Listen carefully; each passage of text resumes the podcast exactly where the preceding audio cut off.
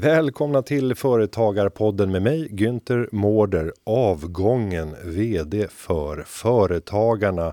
Efter 340 avsnitt så är det dags för podden att säga adjö för mig i det här formatet för att förhoppningsvis snart återfödas i ett nytt format och ny skepnad. I det här avsnittet ska vi blicka tillbaka på det som varit och samtidigt ta pulsen på företagarnas nya VD. Välkommen! Han är nytillträdd som VD på Företagarna, tidigare VD på Timbro och min efterträdare. Förhoppningsvis även ny programledare för Företagarpodden. Vi säger varmt välkommen till Benjamin Dosa. Tack så mycket, jättekul att vara här. Nu sitter vi här och nu är det allvar. Det här är dagen på riktigt som du tillträder, dagen efter din födelsedag. Hur är känslan? Känslan är jättebra. Eh, det har varit eh, intensiva veckor, bra överlämning tycker jag mellan oss två. Men nu känns det ju skönt och kul att äntligen vara på plats också. Att äntligen bli av med mig. och, och, om vi tittar på tiden som har passerat fram till nu, för du eh, fick reda på att jobbet är ditt i juli. Mm. Och sen dess har det ju runnit en del vatten under broarna Eh, tiden fram till nu, hur mycket företagarna har det inneburit i både tanke och handling? Ja, men väldigt mycket och man blir ju mentalt mer och mer incheckad även om jag formellt inte hade tillträtt. Och jag har hunnit träffa en hel del medlemmar och företagare ute i landet. Jag har hunnit träffa medarbetare, sätta mig in i de olika projekten som pågår också. Så att nu känns det ju kul att äntligen få jobba heltid med det här och inte bara i, i, i teorin och lite småkänna på, på känslan. Och nu är det på allvar. Och här sitter vi i poddformatet. Ja, 340 avsnitt har det blivit. Det är en hel del. Eh, hur är känslan? Kommer det här att leva vidare? Det har jag definitivt tänkt att det ska göra. Jag gillar ju verkligen poddformatet också och jag har ju lyssnat på en hel del avsnitt och jag tycker mixen har varit väldigt bra. Så att, eh, bra jobbat Günther, men nu är det dags att ta den här podden till nya höjder. Fräscha till det ordentligt. men Günther, hur känns det själv då? Du har ju varit på den här posten i nästan nio år. Vad, vad är din känsla? Nej, men det är både lite vemodigt, det är också en befrielse, en känsla av att någonting nytt och spännande börjar. Men det har varit fantastiskt roliga år. Eh, och du fick ju verkligen se så här hur känslosamt det här mm. är. När jag stod inför alla förtroendevalda på höstkonferensen, hade förberett ett anförande och klockat det var perfekt i tid. Och eh, jag skulle börja säga de första meningarna och bara faller fullständigt i, i gråt inför tacksamhet och inför värme. Eh, när man ser alla förtroendevalda som vi har gjort en otrolig resa tillsammans med under de här åren. Så det är känslosamt. Men Sen är det också roligt att få öppna ett, ett, eh, en ny dörr och ge sig in mer i företagandet, framförallt utifrån investerarperspektivet. Men eh, det är mycket som jag kommer sakna. Så förvänta dig inte att du helt kommer att slippa mig. Jag kommer nog hänga i korridorerna och komma på onödigt många fika och after works och liknande. Men om du tittar på din egen roll nu. Du tillträder som vd, du har en bakgrund som vd på Timbro. Vilka likheter och skillnader ser du med de här två rollerna? Ja, men en tydlig likhet är väl det politiska arbetet som är en viktig del för, för företagarna och är ju hela Timbros del egentligen. Och politiskt så skiljer det sig inte så mycket åt. Jag menar, vi kan ju nästan gå tillbaka till gamla debattartiklar och intervjuer vi har gjort och det har ju varit nästan eh, samma citat. Men där den stora skillnaden är att på Företagarna jobbar man med människor av kött och blod. Så att det är inte bara teoretiskt att det är bra att sänka arbetsavgifterna utan det påverkar riktiga människor som kan anställa, som tar risk. Och det var väl ett av huvudskälen till varför jag tackade ja till det här också och verkligen ville ha det, för att få jobba med, med riktiga människor. Och sen har jag en politisk, partipolitisk bakgrund också och den är ju såklart olik på många sätt men en, en likhet är ju att jobba med förtroendevalda. Vara ute i landet, få, få besöka möten. Eh, det, det är jag relativt van vid och trivs i ett, ett sådant sammanhang också. Och kanske det absolut mest nya, det är ju företagarnas kommersiella del. Alltså vad får en företagare att i grund och botten vilja gå med i organisationen? Eh, vad, vad funderar han eller hon som, som är ute i landet och alla de problem man möter. Varför, varför är erbjudandet så himla attraktivt att gå med och varför väljer man att förnya medlemskapet? Så det är väl den, eh, det som jag behöver sätta mig in i allra mest. Mm. Ja, det är en eh, spännande tid som väntar och det kommer bli. Eh, det är alltid svårt att föreställa sig hur en ny roll ska gestalta sig, men det som överraskade mig mest. Det var den enorma energi som jag kände från lokalföreningarnas sida och alla förtroendevalda. Jag hade vuxit upp i Aktiespararna, eh, också en folkrörelse, men där alla var i genomsnitt 10-15 år äldre och hade så karriären bakom sig och där det var mer av karaktären eh, lite ljummet kaffe i bygdegården. Här var det eh, jag ska inte säga som, som Ian Wachtmeister, drag under galoscherna och Bert Karlsson, men, men en, en jäkla hög energi många gånger när man kommer ut i, i Sverige. Och företagare är ett särskilt släkte. Jag mm. älskar det. Verkligen. Problemlösare. Verkligen. Och jag menar, alla som är företagare vet ju hur många problem man stöter på, men man väljer ändå att man måste liksom ta sig förbi dem på något sätt. Och den, den kulturen finns ju väldigt djupt rotad i företagen också. Så det, det ska bli väldigt kul. Men, men Günther, en av de vanligaste frågorna jag får det är vad 17 ska Günther göra nu då? Ja, jag, jag har inget svar på den frågan.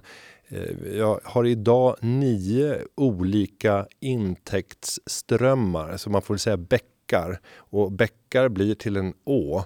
Eh, så det är helt, eh, det, det, finns några bärande teman. Det är investeringar, det är styrelsearbete och det är rådgivning. Eh, det är väl huvuddragen i, i verksamheten. Eh, så det är fem stycken styrelseuppdrag i både noterade och onoterade bolag och där jag säkert kommer fylla på med ett eller två stycken uppdrag ytterligare. Sitter även i styrelsen för Arbetsförmedlingen, vilket eh, gör att man fortfarande finns med i den, den politiska dimensionen, även om det är från myndighetssida. Jag vet hur mycket företagare skulle behöva en en eh, arbetsförmedling som faktiskt klarar av att leverera på sitt namn. Idag är det ju inte en arbetsförmedling som jag ser det. Eh, det behöver strykas upp för att det tuffaste för företagen är att hitta rätt kompetens. Vi betalar stora pengar in för att få en utökad funktionalitet och den är inte till fyllest i dagsläget. Jätteglad över att få möjligheten att kunna vara med och påverka inifrån. Men sen eh, är det också rådgivning finansiellt och industriellt. Jag kommer att jobba en hel del med Beijer Invest och Beijer Ventures som är eh, familjen Wall med Anders Wall i toppen och Johan Wall, sonen, som leder de verksamheterna. Eh, så att hjälpa dem i deras investeringar och sen även Siba Invest där min Ordförande Fabian Bengtsson tillsammans med Martin Bengtsson leder familjens investeringsverksamhet och där kommer jag vara rådgivare också. Så det blir mycket investeringar, eh, både i noterat och onoterat och rådgivningar kopplat till investeringar. Och sen ska jag naturligtvis vara ute i debatten, så skriva i Dagens Industri på krönikaplats och sen kommer jag inte vara tyst när jag ser saker som är missförhållanden eller när det händer någonting på marknaden som jag tycker är intressant att kommentera. Så vi kommer mötas mycket tror jag i media framöver. Det är jag helt övertygad om. Det blev ju en hel del ståhej när du skrev om att ett nej ska vara ett nej vad gäller eh, svensk konflikträdd och Tesla-strejken. Ja, det är roligt i den här nya rollen när man inte har någon annan att eh, backa upp argumentationen än sig själv. Eh, då kan man också vara väldigt mycket friare. När man har en vd-roll, då ska man en hel organisation att ta hänsyn till och måste väga orden på ett sätt som man inte behöver mer än att man går till sitt eget hjärta och funderar över vad jag vill säga och vad jag vill förmedla. Så där kunde jag ta ut svängarna och vara lite hårdare än vad jag normalt sett kanske har brukat vara och mer Günther eh, och väldigt mycket mindre företagarna, även om argumentationen stämmer väl överens med företagarnas uppfattning och spridningen blev helt kopiös på den här krönikan. Jag, sällan jag har fått ett sånt stort genomslag.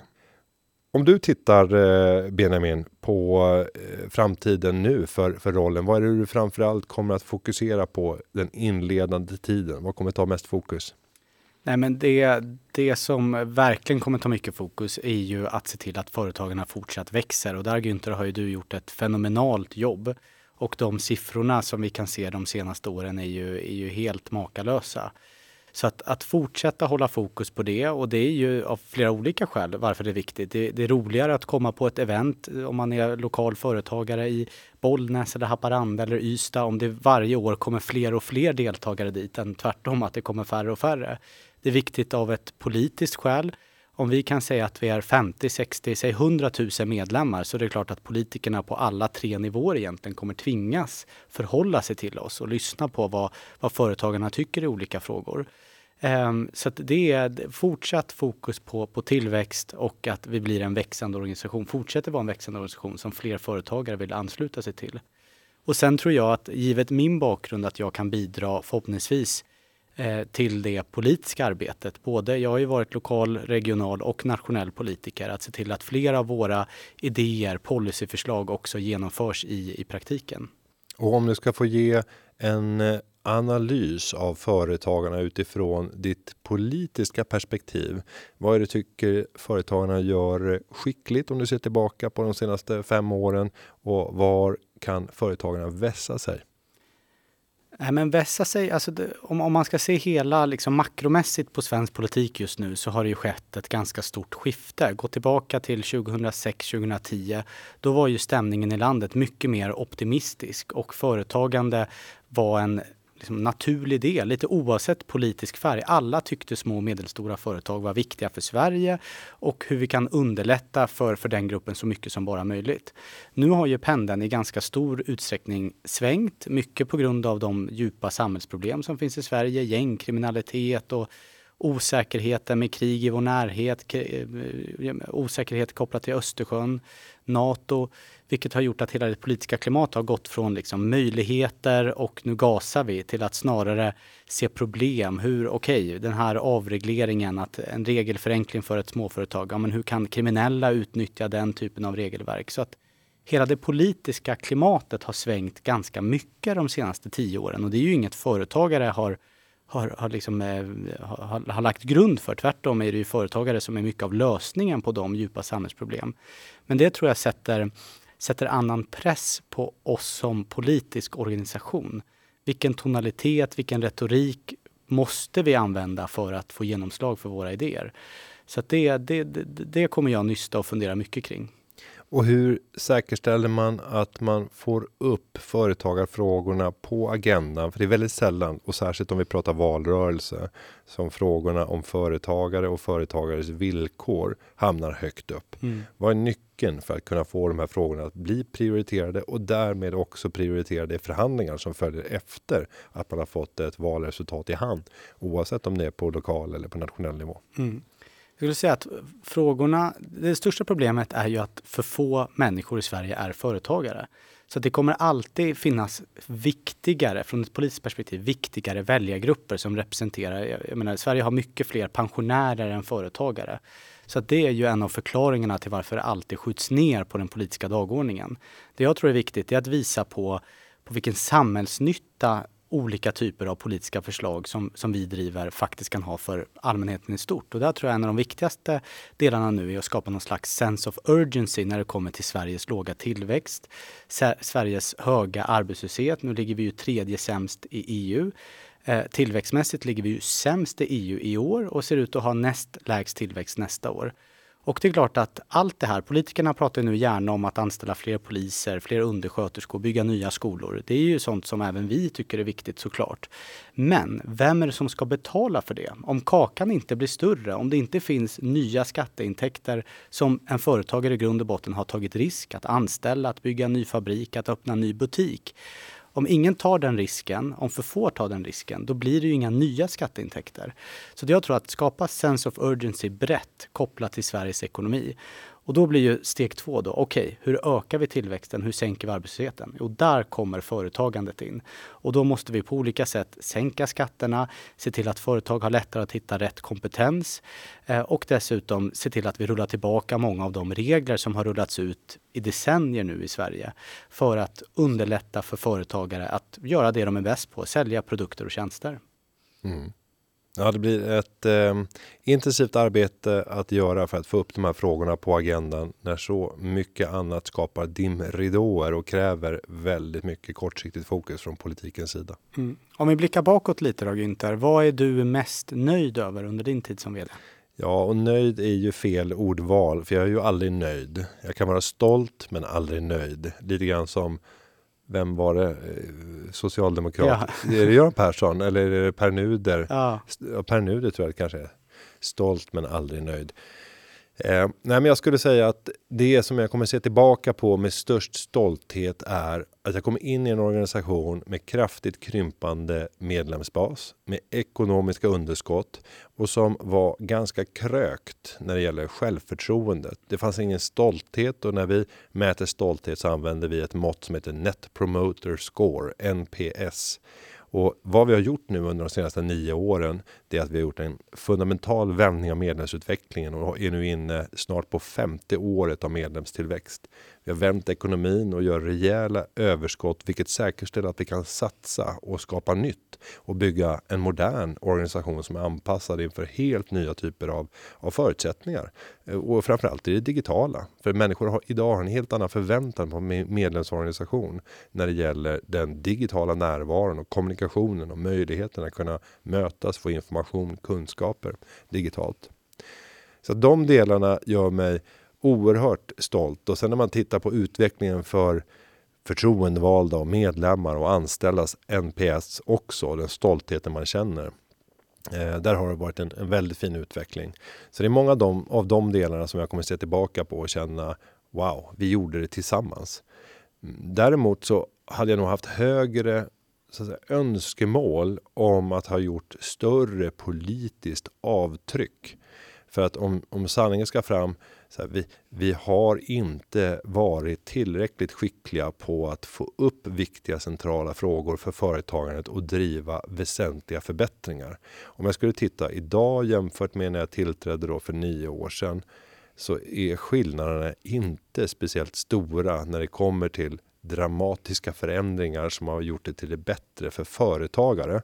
Vi har fått lite förändringar i 3.12-reglerna. Vi stoppade en försämring av 3.12-reglerna. Det är nog här, vår största politiska seger och det känns ganska deppigt mm. att den största politiska segern är att stoppa en försämring av ett regelverk. Men jag hade velat att vi stod någon annanstans och där jag åkte ut internationellt och kände en stolthet över att berätta vad Sverige har gjort de senaste tio åren som sannolikt har lagt grunden för en ny konkurrenskraft som kommer att innebära att företag kommer att vilja etablera sig från andra länder i Sverige för att förutsättningarna för företagandet i Sverige är avsevärt mycket bättre än vad de är på de flesta andra ställen i vårt närområde. Och så är det tyvärr inte. Eh, och det kan jag känna en sorg över, eh, för jag har ju haft den här rollen och haft de bästa förutsättningarna att kunna vara med och påverka. Men jag känner inte att jag har haft det politiska trycket eller medvinden som har behövts för att få upp de här frågorna tillräckligt bra på agendan. Så frågan är, har vi haft, har vi haft fel politiker eller har det varit fel vd för företagarna? eller en kombination av de båda. Nu sitter vi med Benjamin. Eh, ja, det här blir upp till dig att lösa nu. Ja, det är en liten uppgift. mm, nu har vi löst medlemsutveckling, ekonomi. Nu behöver vi bara lösa politiken. Exakt. Du har ju också du, du, berättade lite om att du har gjort en hel del eh, investeringar, bland annat eh, GoSol. Eh, vad, när du investerar i ett nytt bolag, vad, vad tänker du på då? Vad är viktigt för dig?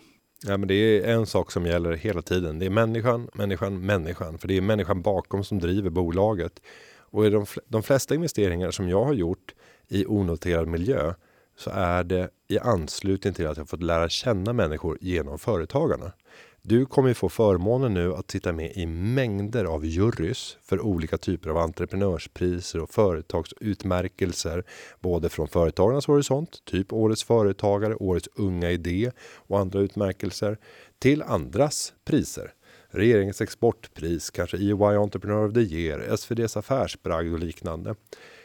I de där jurysammanhangen så har jag stiftat bekantskap med så många spännande företagare. Tar vi Gosol som ett exempel så träffade jag Nils och Jimmy första gången förra sommaren för ett och ett halvt år sedan.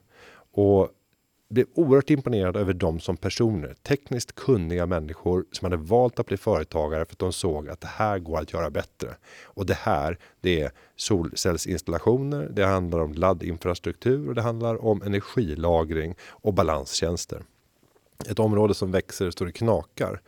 Och i det läget så är det först människorna, därefter affärsidén. Helst av allt så ska man vara inne i en trend som är i en positiv eh, bana, gärna ta sikte på någon megatrend i samhället. För sätter man magiska människor i en stark megatrend, då ska det mycket till för att man inte ska lyckas. Och jag hoppas nu framåt att få hitta fler entreprenörer som vill göra resor tillsammans. Jag var på DIs gasellgala igår och då hamnade jag i diskussion med ett företag som har en jättespännande utveckling framåt. En entreprenör som gjorde ett starkt och ödmjukt intryck på mig och som själv hade sökt upp mig och hade hört om de resorna vi har gjort tidigare. Och, och han kunde också tänka sig kanske över tid att tänka tanken om noterad miljö. Så att jag hoppas få, få fortsätta eh, göra fler sådana här resor och Gosol satte vi på börsen bara för en vecka sedan när vi spelar in det här. Och det känns jätteroligt att få göra de resorna och skapa nya möjligheter för de här entreprenörerna. För att när du väl noterar ett bolag så får du ett verktyg i form av den egna aktien som du kan använda som en förvärvsvaluta. Du kan använda det som ett incitament för att locka till dig duktiga medarbetare. Det är mycket lättare om du faktiskt ser vad aktien är värd och det finns en möjlighet att sälja det. Sen finns det en möjlighet att, att kapitalisera sig som är fantastiskt mycket bättre än om du är i onoterad miljö. Så Notering är också intressant för bolag som kanske inte behöver ta in kapital utan kanske står inför ett nödvändigt ägarskifte där eh, det ska vara ett generationsskifte inom familjen, men alla i familjen ska inte driva vidare bolaget utan det är ett fåtal av familjemedlemmarna som ska göra det. Ja, du hör, det finns många tankar inom det här fältet, men det kommer bli väsentligt många fler investeringar och den här typen av resor. Om vi ser till dig Benjamin så är ju poddformatet någonting som har eh, varit med dig under lång tid och du har till och med haft en egen podd tillsammans med en av våra ministrar. Berätta. Mm. Det var ju innan Romina Pourmokhtari blev eh, miljö och eh, klimatminister. Men eh, så att det var, det var en politikpodd. Vad kan det ha varit? Eh, tre, fyra år sedan kanske. Så att nej, men jag gillar verkligen formatet. Eh, och då var det ju lite mer politikfokus än, än företagarfokus i, i den podden. Och eh, om du eh, ser på de största behållningarna av att eh, få möjligheten att lyssna, eh, låna lyssnarnas öron Eh, så vad, vad, tycker du gör själva formatet så unikt jämfört med alla andra format som finns och där det korta, snabba formatet i kommunikation, sociala medier har vunnit väldigt mycket mark. Nej, men du, du är inne på det att jag lyssnar ju själv väldigt mycket på poddar och eh, det som skiljer poddar från att eh, ja, skriva en debattartikel eller ännu värre är ju att vara med i en radio eller tv-intervju. Det är ju just kortheten på det. Att man måste ha sina punchlines på, ja, är jag i en, en debatt i Sveriges Radio då vet jag att jag kanske har två, två och en halv minut totalt på, i hela debatten. Och den kommer vara uppdelad i tre, fyra, fem delar kanske. Så att varje inlägg får vara max 20 sekunder. Och det är klart att då måste man verkligen trimma på, på budskapet. Det blir liksom väldigt tajt, kort, snabbt. Eh, Medan i poddformatet kan man ju lägga ut texten lite mer, reflektioner, man kan komma in ibland på lite intressanta sidospår. Det ena leder till det andra så att säga och, eh, och man kan få ett väldigt bra samtal. Eh, och man kan ta in perspektiv där man själv kanske inte är den som är expert. Man är nyfiken och, och kan ta liksom lyssnarnas perspektiv gentemot en expert. Så det formatet gillar jag verkligen. Och eh, just, just med tiden, eh, jag kommer ihåg min, min gamla podd med Romina, den kunde variera ganska kraftigt. Jag tror de kortaste avsnitten var på kanske 20 minuter. Det längsta vi hade var på nästan två timmar. Och det var lika mycket lyssningar på de korta som på de långa. Så att man kunde variera sig mycket mer och det var lite så här när vi har pratat till punkt och när vi känner oss klara då avslutar vi poddavsnittet. Så det, det gillar jag verkligen. Ja, men det är ett roligt, det är ett roligt format, tveklöst. Och jag har ju som bekant eh, ja, ägnat de senaste, ja nu är det snart 13 åren bakom poddmikrofonen. Mm, 340 poddavsnitt. Ja, av den här podden. Och sen har vi 100 Sparpodden och så tror jag att jag deltagit i 70 andra poddar. Mm. Så att mycket poddar har blivit. Har du något eh, gammalt favoritavsnitt? Ja, alltså, egentligen skulle jag inte vilja lyfta enskilda avsnitt på det sättet. Däremot. Eh, kan vara kränkande de, mot de andra avsnitten. Ja, verkligen. Det, det finns ju alltid då 300, eh, vad, vad, sa vi, 339 som kommer att bli besvikna. Men jag skulle vilja ta så här, den första fasen som vi hade. Då var det jag och eh, Jenny som körde podden och hon var jurist här på Företagarna och jobbade i rådgivningen. Det gav sin prägel till det och gjorde att det blev en väldigt företagarstark produkt i, i, sig och där vi kunde jobba väldigt mycket med eh, rådgivningen till medlemmarna hur man skulle tänka juridiska frågor. Därefter så började jag podda tillsammans med Julia vid min sida som kom som vd från Venture Cup. Där blev det mer affärsorienterat och affärsidé och eh, mer fokus på på de delarna. Och när Julia sen slutade så har jag alternerat och haft gäster hela tiden. Det där kan ibland vara oerhört lätt och befriande, men ibland ganska svårt för att man inte har kemin. Det är första gången man träffas och det är svårt att få båda parter att bara slappna av och vara i nuet och våga bjuda på hela sig själv. Det är mycket lättare när man har en poddpartner som hela tiden återkommer. Mm. Och sen tror jag mycket på poddformatets positiva del i att du har igenkänningen. Och den mest framgångsrika poddsatsningen som jag haft, det är ju Sparpodden tillsammans med Jan Dinkelspiel där han och jag blev som seriefigurer och där vi drog på varandras ytterligheter. Han miljardärsonen uppvuxen med eh, guld och silversked i mun och jag från asfalten och betongen som har fått kämpa mig upp genom genom mm, att slå, slå i glastak och krossa dem och ta mig vidare. Alltså att spela på de ytterligheterna och så samtidigt jobba med utbildning, inspiration kring sparande, investeringar. Det var var väldigt roligt och också framgångsrikt när vi fick så mycket lyssningar. Eh, men jag älskar verkligen poddformatet och kommer kommer sakna. Kanske kommer jag återvända i någon typ av, av kanal framåt. Vi får se. Ja. Eh, om vi går tillbaka till eh, dig och tittar på andra saker du har gjort. Så 2018 så släppte du boken Snöflingorna faller över Husby. Eh, vad var det du framförallt ville förmedla med hjälp av den boken? Men där, jag började med att samla in en hel del data genom opinionsmätningar, delvis som vi själva då på Timbro gjorde, men också de offentliga institut, som institutet som, som mäter eh, värderingsskillnader över tid.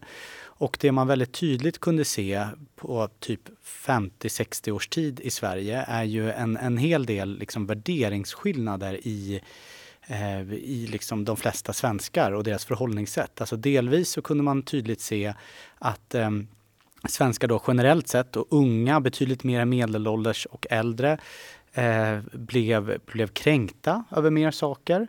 Eh, man, vi ställde frågan, jag kommer inte ihåg exakt hur den var ställd, men typ så här, eh, förväntar du dig, om du sitter på ett möte på en arbetsplats, förväntar du dig, eh, om någon ser emot dig på mötet, blir du kränkt av det? Där var det väldigt tydliga generationsskillnader och den, den frågan hade också ställts över tid och eh, kränktheten hade då ökat ganska kraftigt under senaste decenniet. Eh, förväntar du dig att, att du ska få en befordran varje år, vilket också var en tydlig generationsskillnad där medelålders och äldre definitivt inte förväntade sig det. Eh, och det fanns aspekter av det här som jag tyckte var rätt illavarslande. Till exempel tycker du att eh, förmåner och lön ska baseras på, baseras på, på vad du presterar eller mer liksom generellt, ska alla få lika betalt lite oavsett vad man presterar? Också en tydlig generationsskillnad. Um, så att uh, det, det, var liksom en, en generationsspaning över min generation egentligen. Eh, och eh, där då den generationen då kombinerat med ganska djupgående samhällsproblem, hur hanterar man den typen av frågor? Eh, så att vi, vi ställde frågor kopplat till integrations och migrationspolitiken och där man också kunde tydligt se generationsskillnader. Så det, det, var liksom en generationsspaning. Och den fick ju väldigt mycket, det blev en del rabalder kopplat till det. Och det som var intressant är att det var inte så mycket över ska man säga, ideologiska block. Det var extremt många S-kommunalråd faktiskt, som var lite äldre, 40, 50, 60-åringar som mejlade och som ringde och sa att de hade läst boken och tyckte det var bland det bästa det året då de hade, hade läst.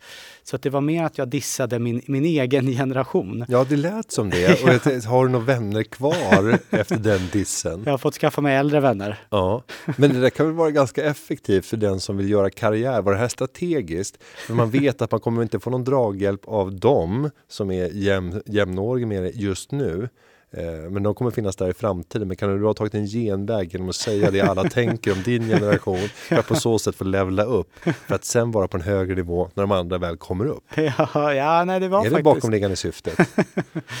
de, tvista, de lärda tvistar så att säga. Mm. Men det som var mest, kanske mest oroväckande är ju Eh, generationsaspekten sett till vissa offentliga bidrag som jag tyckte var väldigt intressant. Vi ställde frågan, eller om det var en offentlig mätning som ställde frågan, tycker du det är rätt att ta bidrag som du i grund och botten inte är berättigad till? Alltså du, har, du är ett, i ett socialförsäkringssystem och du, du, du fejkar att du vabbar eller du tar ett bidrag som du i grund och botten inte borde få. Och där var det över tid, över alla generationer. Så alla generationer hade liksom en, en mindre gör din plikt, kräv din rätt inställning och mer än ja men om, om, om du kan ta det, då få åt dig så mycket som möjligt. Och det där tror jag är, jag menar Sverige är ett högtillitsland. När man gör så här offentliga plottar, till exempel om man åker ett SJ-tåg till exempel, lämnar man laptopen på tåget när man går på toaletten eller inte, eller går och handlar i bistron, så är ju Sverige och de nordiska länderna sticker ju verkligen ut till det positiva. Att man litar i grund och botten på människor som man inte känner. Man har aldrig träffat en person, men i grund och botten, om inte motsatsen bevisar sig, så litar man. Och där kan man också se olika mätningar att det där är viktigt av massa andra skäl. Det får skattesystemet och institutioner att funka bättre, högre tillit till domstolar. Företagandet funkar bättre. Det finns många, även europeiska länder, där man i grund och botten har motsatt inställning. I grund och botten litar jag inte på dig, men om du bevisar genom affärer att vi kan nog sakta men säkert börja lita på varandra, då kan det skifta. Så att om det där i grund och botten är en permanent förskjutning i Sverige så är det jätteallvarligt. För man ser inte den typen av värderingsskillnader och skiften, trenden, i andra nordiska länder. Och ska man titta i förlängningen vad det får för konsekvenser så är det ju klart att eh, det anglosaxiska med eh, höga transaktionskostnader eh, kommer att bli allt vanligare på mm. grund av att man då tar till mer juridisk hjälp. Du kommer också vilja säkerställa att du får rätt i de juridiska processerna och går in i mycket tuffare förhandlingar och det är inte handskakningen som gäller utan här gäller att få in rätt paragrafer i avtalet innan man gör affär. Mm. Eh, och det är rätt stora skillnader när man går, åker ut till en mindre by där alla bara ställer upp inför varandra och det finns noll i transaktionskostnader för alla har tillit. Mm. Och hur mycket högre lönsamhet man kan skapa i de bolagen för att alla backar upp och man ger och man tar. Eh, men alla ser att det är för vår gemensamma vinnings skull. Och, och, det har ju karaktäriserat Sverige under lång tid. Det har väl varit, tycker jag, vår främsta valuta. Mm. Den höga graden av tillit. Nu är kronan svag. Du behöver förtroendevalutan och tillitsvalutan stärkas.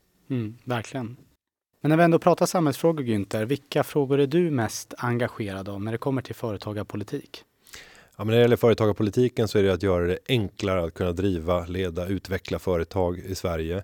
Det har ju blivit oerhört lätt att starta bolag och det är väl en sån där sak som man kanske skulle lyfta som en, en framgång Utvecklingen av verksamt.se under mina tid under min tid som som vd på Företagarna. Den har blivit galet mycket lättare. Jag startade ett bolag 2014 eh, och jag bara tittar på hur administrationen såg ut kopplat till det och så jämför jag med mitt senaste bolag som jag startade i år eh, och hur mycket enklare, hur mycket snabbare det har blivit att starta upp. Men sen finns det väldigt mycket av de ska man säga, uppgiftslämnande momenten där jag tycker att Sverige har halkat efter när det gäller att nyttja den fulla potentialen i den digitala tekniken. Tänk om vi börjar i Skatteverket. De bara hade öppnat upp sina API och det här har pitchat många gånger för dem. Öppna upp API precis som jag hade gjort hos en tidigare arbetsgivare på Nordnet. Där öppnade vi våra API. och Sen fick andra aktörer programmera, till exempel en tradingrobot som fick använda vårt handelssystem och, och vår funktionalitet och betala courtage för att de nyttjade det. Sen fick de sälja tjänster som gjorde att de kunde erbjuda en ny kundupplevelse för sina kunder. Så vi hade ingen direkt relation med dem. Tänk om man hade gett samma möjligheter till utvecklarna av, av redovisningsprogram. Om Fortnox och SPCS Visma hade fått möjlighet att jobba mot öppna API mot Skatteverket och där man fick fråga när man öppnade sitt redovisningsprogram. Skatteverket vill dra uppgifter om momspliktig försäljning en gång i månaden. Är det okej okay att de hämtar det från ditt bokföringssystem? Ja, det är okej. Okay. Mm. De vill även ha uppgifter som är hämtade till, till arbetsgivardeklarationen. Kan du tänka att plocka de uppgifterna direkt från ditt lönehanteringssystem? Ja, det kan jag tänka mig.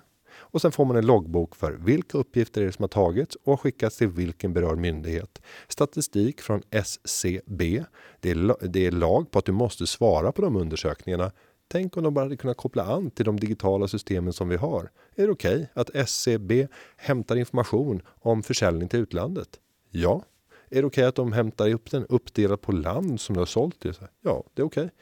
När vi installerar appar så accepterar vi nästan allting. Så den här appen vill få tillgång till dina kontakter, dina bilder, till din mikrofon. Är det okej? Okay? Jajamän, jajamän. Allt för användarupplevelsen.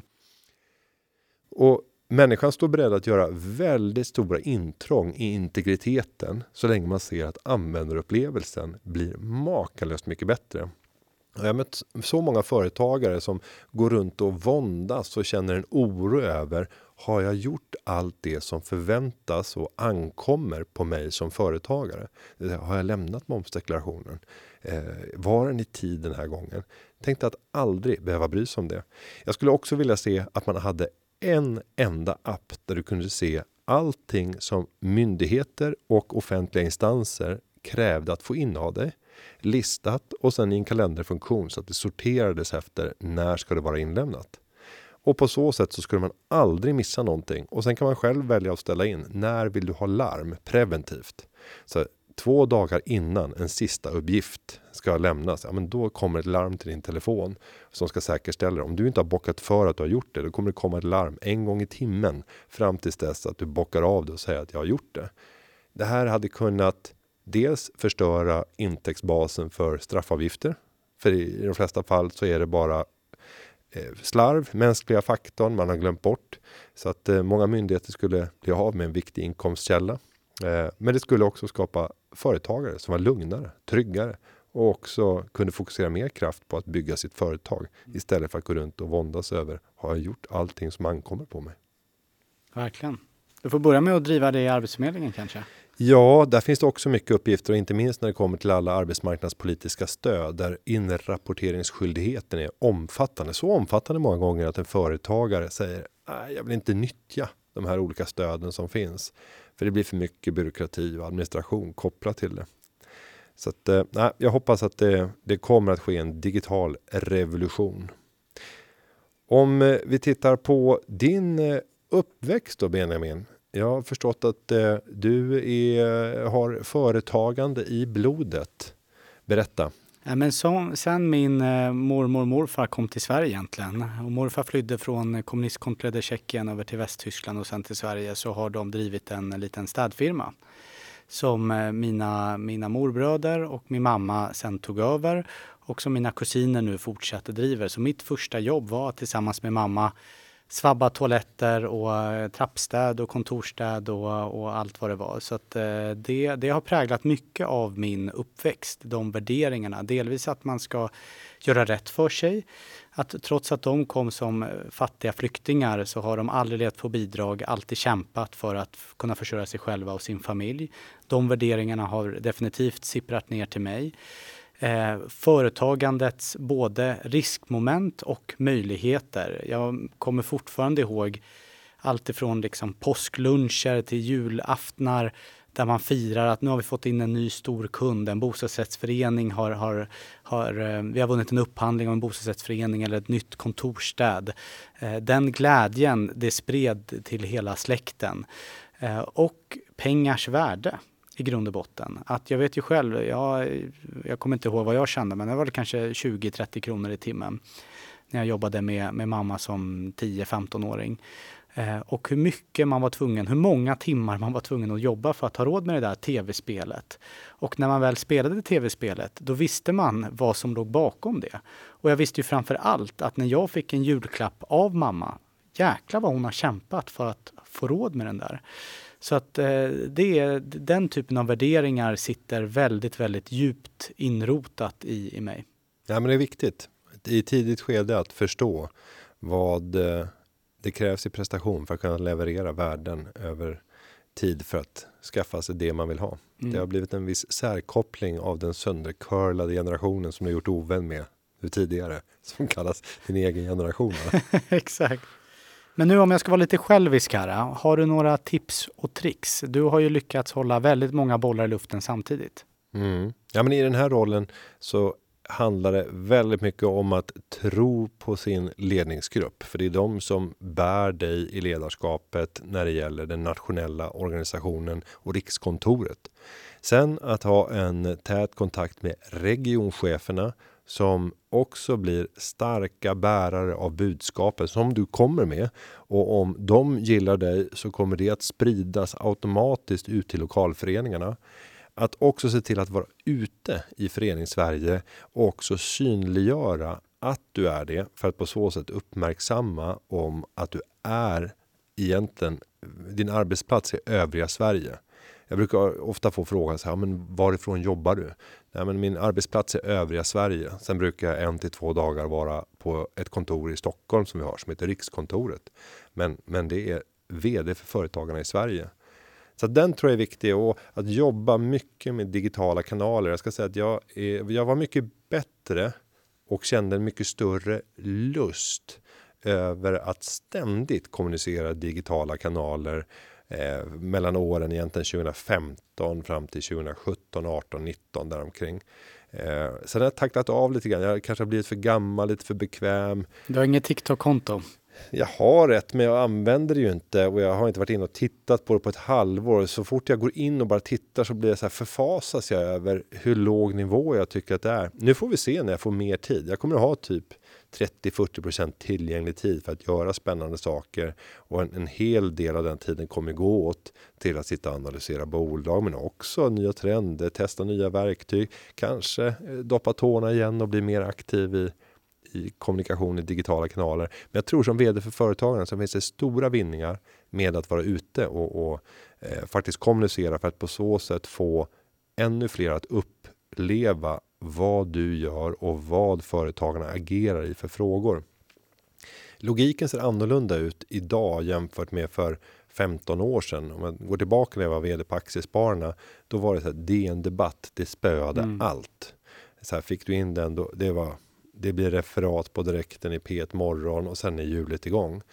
Idag är inte den logiken utan idag så handlar det mer om att välja ett medie oavsett om det är egenägt eller om det är ett, ett, ett traditionellt medie där du kommer få ett stort utrymme att få bära fram din tes och hellre att det är en mindre lokal tidning men som slår upp det stort för att sen kunna bära ut i egna kanaler och på så sätt få mycket större räckvidd än vad det är att kunna få ett halvstort i den största morgontidningen.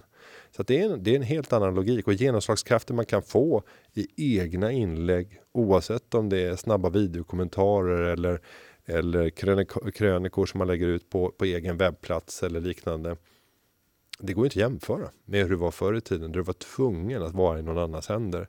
Så att äga de egna kanalerna och verkligen bjuda på mycket content. Det tror jag är en nyckel för att, för att verkligen lyckas. Mm. Men Benjamin, jag måste också passa på att fråga, har du själv närt tanken att dra igång eh, egen verksamhet och starta bolag? Vid två tillfällen. Eh, en, eh, vid ett historiskt tillfälle, det var under apoteksmonopolsavregleringen. Och det var ju när eh, Adlibris var stora på nätet. Då tänkte jag den här idén borde man bara kunna kopiera och köra på, på läkemedelssidan. Och jag var ju rätt ung då, vad kan jag ha varit? 18-19 och så började jag nysta och det var ju enormt regelverk. Alltså det skulle kräva att man anställde liksom tio jurister det första man gör. Eh, så att det, av, av det skälet så, så avstod jag. Men det blev ju sen eh, Apotea med mm. flera med flera. Eh, det var fler som tänkte samma ja, sak. exakt. Mm. Det, kanske, det hade sannolikt gått mycket sämre för mig än för, för de som faktiskt gav sig in i idén. Men sen fick jag faktiskt en idé för, för ett år sedan, så den hänger väl fortfarande lite i, i luften. Så det blir väl till dig Günther. Jag har ju lite annat för mig nu, men de här 30 procenten kan du ju sno min mm. affärsidé mm. här nu. Jag kan komma in som investerare och styrelseledamot om du... Låt höra det är, eh, för jag noterade att det är väldigt många kommuner, staten och regionen som satsar väldigt mycket på att bygga laddstolpar för att ladda elbilen. Och jag satt och räknade lite på det och det är ju alltså mångmiljardbelopp om man lägger ihop det på kommun, region och nationell nivå. Så jag tänkte så här, men är det, är det egentligen en brist på laddstolpar? Och så tittade jag på hur många som, hade priva, eller som har privata laddstationer i sitt radhus eller villa eller bostadsrättsförening. Och så började jag liksom halvgissa lite på hur mycket av den kapaciteten används egentligen. Och det är precis som bilen. Bilen står väl still 98% av tiden. Borde man inte kunna ha en laddstolpe, laddstolpsdelningstjänst? Eh, där du när du är på jobbet på Företagarna, du kanske tog bilen hit, så kan du sälja el via din laddstolpe som du har hemma ifall det inte är ett slutet garage. Till andra personer som jobbar nära där, där du bor eller kanske och handlar där. Något sånt. Så det, det var min lilla affärsidé. Mm. Ja, och den, eh, lösningen finns redan. Sen kan man säga att eh, eh saknas det laddstolpar? Nej, alltså många gör tycker jag misstaget och det där gäller många som köper elbil för första gången att man inte tänker på det vanliga ladduttaget och att ladda med begränsad effekt för att på så sätt inte belasta ditt eget eh, system för mycket. Men för en bil som står stilla kanske 12 timmar, kanske 14 timmar från det att du kommer hem på kvällen till dess att du åker iväg på morgonen. Det är väldigt, väldigt sällan. Det är bara när du är ute på de långa turerna längs landsvägen och hur många sådana resor gör en normal människa där man åker mer än 10 mil. Eh, det är ytterst sällan. Eh, så det vanliga ladduttaget hemma, alltså det vill säga vanliga stickproppen, funkar i de allra flesta fallen fall väldigt bra. Eh, men sen laddångesten, den är ju stark och påfallande i många fall. Mm. Vi ska gå för landning, men kanske den obligatoriska frågan för eh, sparprofilen Günther Mårder. Har du något tips till alla de som har lagt eh, hela lönen redan på alla julklappar och elräkningar och annat dyrt? Vad borde man göra nu? Ja, men nu är det ju så att eh, kulorna gärna rullar snabbt i jul. Då skulle jag vilja tipsa om julmaten. Där finns det mycket att göra. Ni är ofta en hel familj med olika konstellationer som samlas. Om festen är hemma hos dig, se till att göra ett knytkalas av det. Säg inte att du både ska bjuda in och sköta all mat. Det blir ett helskottas jobb och en väldigt stor kostnad. Ingen har en förväntan om att du ska lösa allt. Sen tycker jag den här hetsen, när man tittar på ett julbord. Jag mår nästan illa över den mängd som dukas upp och jag förstår att det ska vara festligt. Men ärligt talat, det där frosseriet. Välj ut istället. Vilka är dina tre favoriter? Låt alla vuxna gäster få välja ut tre favoriter. Och jag är säker på att väldigt många kommer säga samma saker. Så det kanske inte blir mer än 9-10 saker som finns på julbordet. Inklusive då att två eller tre av dem är olika sillsorter. Någon eh, senapssill som någon, någon nybörjare alltid ska ha där. Genom att göra det så kan du minska mängden mat på julbordet och slippa fylla kylen till bredden med överbliven julmat. Sen har den där nästa dimensionen och det är ju att när vi sen ställer in det i kylen så har vi inte en klar tanke för vad ska hända dagen efter. Ha en plan redan innan. Om det blir mat över, hur ser prioriteringsordningen ut? Och då börjar du alltid med allt som har med fisk och skaldjur att göra. Det blir dagen efter tar du köttbullar, prinskorv, revbensspjäll och liknande. Det håller många fler dagar. Det kan du vänta med. Så ha en klar prioriteringsordning för de kommande dagarna för hur du betar av det där lagret av överbliven mat från julafton. Och sen nyttja det här som händer efter nyår när julskinkan kostar 10 kronor för 1,8 kilo stor skinka. För att butiken får aldrig gå kort på skinka, därför köper man in alldeles för mycket och sen tvingas man rea ut det. Använd det där för att ha och tärna upp, frys in, använd på pizza. Gör ost och skinksås till pastan. Eh, låt fantasin flöda fritt. Bara för att det står julskinka så betyder inte det att det är någon annan skinka än skinka. Och skinka går att använda i väldigt många maträtter. Så det är mycket billiga proteiner som finns att hämta ur den rabatterade eh, julmaten som kommer ut efter nyår. Mm. Så på nyårsdagen, då öppnar du plånboken? Jajamensan, då eh, ska lagren tömmas ut i butiken på korta datum. Mm. Günther, stort tack för din tid som programledare för den här podden och tack för att jag fick vara gäst här idag. Klippningen den är gjord av Petra Tjo och avsnittet är producerat av David Hagen. Vi är tillbaka inom kort med nya poddar från Företagarna. Håll utkik i våra sociala medier och tack för att du har lyssnat. Nu kör vi!